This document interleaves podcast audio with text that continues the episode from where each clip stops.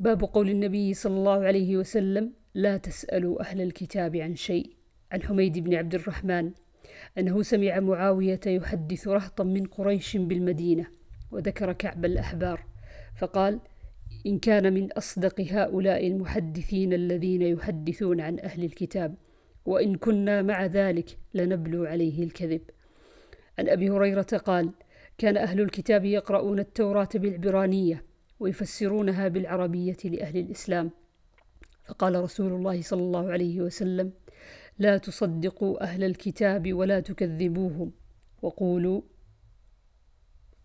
وقولوا آمنا بالذي أنزل إلينا وأنزل إليكم وإلهنا وإلهكم واحد ونحن له مسلمون. عن عبيد الله بن عبد الله أن ابن عباس رضي الله عنهما قال كيف تسألون أهل الكتاب عن شيء؟ وكتابكم الذي أنزل على رسول الله صلى الله عليه وسلم أحدث. تقرؤونه محضا لم يشب.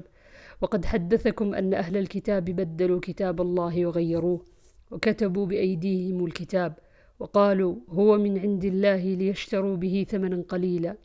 ألا ينهاكم ما جاءكم من العلم عن مسألتهم؟ لا والله ما رأينا منهم رجلا يسألهم عن الذي أنزل عليكم. باب كراهية الاختلاف.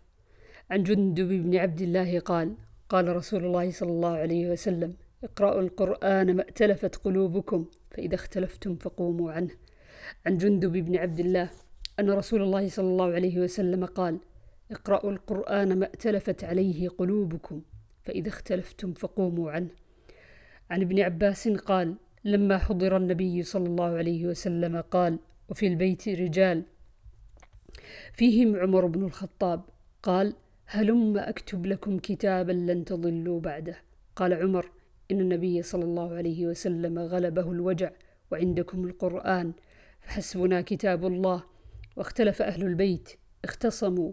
فمنهم من يقول قربوا يكتب لكم رسول الله صلى الله عليه وسلم كتابا لن تضلوا بعده. ومنهم من يقول ما قال عمر فلما أكثروا اللغط والاختلاف عند النبي صلى الله عليه وسلم قال قوموا عني. قال عبيد الله فكان ابن عباس يقول إن الرزية كل الرزية. ما حال بين رسول الله صلى الله عليه وسلم وبين أن يكتب لهم ذلك الكتاب من اختلافهم ولغطهم؟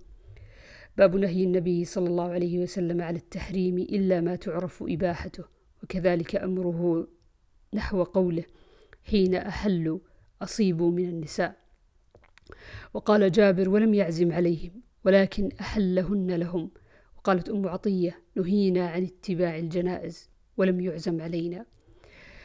عن عطاء قال سمعت جابر بن عبد الله في أناس معه.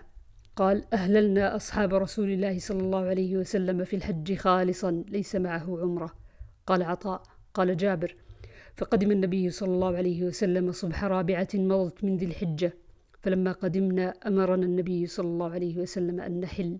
وقال أحلوا وأصيبوا من النساء. قال عطاء قال جابر ولم يعزم عليهم ولكن أحلهن لهم. فبلغه أن نقول لما لم يكن بيننا وبين عرفة إلا خمس أمرنا أن نحل إلى نسائنا فنأتي عرفة تقطر مذاكيرنا المذي. قال ويقول جابر بيده هكذا وحركها. فقام رسول الله صلى الله عليه وسلم فقال قد علمتم أني أتقاكم لله وأصدقكم وأبركم ولولا هدي لحللت كما تحلون. فحلوا فلو استقبلت من أمري ما استدبرت ما أهديت فحللنا وسمعنا وأطعنا. عن عبد الله المزني عن النبي صلى الله عليه وسلم قال صلوا قبل صلاة المغرب قال في الثالثة لمن شاء خشية أن يتخذها الناس سنة